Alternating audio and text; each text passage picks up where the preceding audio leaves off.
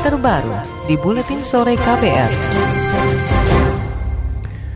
Saudara sejumlah aksi demonstrasi warga di Papua menyikapi peristiwa ujaran rasisme di Surabaya kembali diwarnai rusuh. Sejumlah korban berjatuhan baik dari masyarakat sipil maupun dari aparat. Menurut informasi dari organisasi ULMWP, Markus Haluk mengatakan penambahan pasukan TNI Polri yang dikerahkan ke Kabupaten Deyai, Papua justru menimbulkan konflik. Haluk mengatakan aksi masyarakat yang tadinya damai terprovokasi oleh anggota keamanan, aparat keamanan yang memancing emosi masyarakat dengan menyebut bahasa rasisme. Pada saat yang sama juga Panglima TNI dan Kapolri ada timika. Lalu mereka mengirim pasukan di DJI. Awalnya baik, tapi penambahan pasukan itu memperruncing situasi di sana. Memancing emosi. Sempat juga keluar kata monyet lagi. Lalu kemudian tambahkan gas air mata. Kemudian terjadi penembakan. Dari pihak masyarakat tidak ada awalnya tidak ada perlawanan, tapi dalam rangka membela diri terpaksa karena mereka demo bagian dari identitas mereka bawa busur panah itu,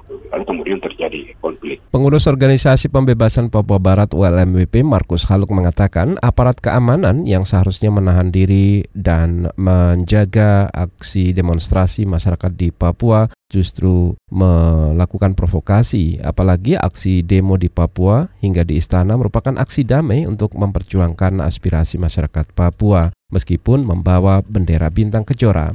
Markus Haluk mengatakan organisasi ULMWP melalui pemimpinannya Benny Wenda juga meminta masyarakat Papua Barat bersatu melawan tindakan rasisme yang selama ini merugikan masyarakat Papua. Sementara itu, senada dengan ULMWP, juru bicara Komite Nasional Papua Barat KNPB, Ones Suhiniap mengatakan, diblokirnya koneksi internet di Papua menjadi salah satu bentuk diskriminasi rasial yang dilakukan pemerintah kepada masyarakat Papua. Saudara Komando Daerah Militer 17 Cendrawasih mengklaim tidak ada kalimat provokasi yang dilontarkan aparat saat menghadapi demonstrasi massa di Deyai, Papua. Menurut juru bicara Kodam 17 Cendrawasih Eko Daryanto, TNI selalu berusaha bertindak persuasif dan bertahan ketika mengamankan kantor Bupati Dayai, tetapi malah mendapat serangan dari demonstran. Kita selalu uh, persuasif, anggota kita sampai uh, satu gugur, itu yaitu kita diserang. Tidak ada kita hanya provokatif ini. Terus mengawal, mengawal, mengamankan aksi mereka gitu kondisinya. Cuman kita dapat uh, gitu lemparan seperti itu. Saudara juru bicara Kodam 17 Cendrawasih Eko Daryanto menyebut aparat keamanan terus diinstruksikan untuk menahan diri agar tak lagi ada korban. Sementara kepolisian menyebut sudah ada dialog dengan sejumlah tokoh masyarakat di Papua untuk meredakan situasi keamanan di sana. Kepala Kepolisian Indonesia Mabes Polri Tito Karnavian menyebut dialog dengan masyarakat dan tokoh Papua diperlukan untuk pendekatan situasi agar situasi di Papua tidak lagi memanas. Uh, kemarin sore dari Papua. Saya dan Panglima sudah berkunjung ke Manokwari, Sorong, ketemu dengan gubernur dan uh, tokoh-tokoh masyarakat, wali kota Sorong dengan tokoh-tokoh masyarakat. Ya, prinsip bahwa masyarakat di Papua Barat mereka komit untuk menjaga keamanan dan ketertiban yang ada di sana. Itu tadi Kapolri Tito Karnavian. Saudara sehari sebelumnya pada Rabu kemarin terjadi bentrokan antara masa pengunjuk rasa dengan aparat keamanan di Kabupaten DIY Papua. Informasi yang beredar menyebut ada anggota TNI dan warga sipil yang tewas. Sementara itu Menteri Politik Hukum dan Keamanan Wiranto mengklaim telah menginstruksikan aparat keamanan untuk melakukan pendekatan persuasif dalam menangani konflik di Papua.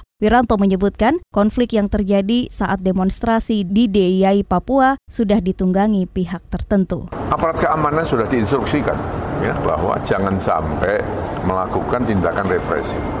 Persuasif terukur ya bahkan senjata-senjata berpeluru tajam pun tidak boleh digunakan.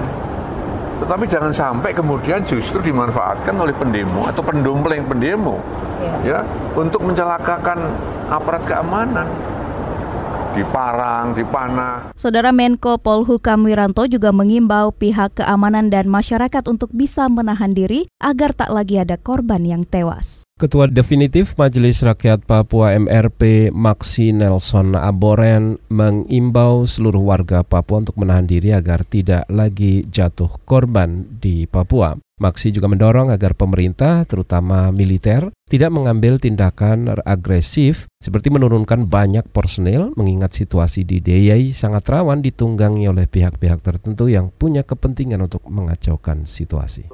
Rakyat yang ada baik yang ada di Papua bahkan di Papua Barat untuk kita semua menahan diri, menahan diri dengan hal-hal semacam ini. Karena kami khawatirkan itu, itu kan nanti ada pihak-pihak tertentu Jalgia yang masuk untuk mengacaukan kita. Oleh karena kita bersabar sebelum ada terjadinya ada yang gugur lagi baik dari pihak pihak dari orang Papua itu sendiri bahkan dari uh, militer itu sendiri.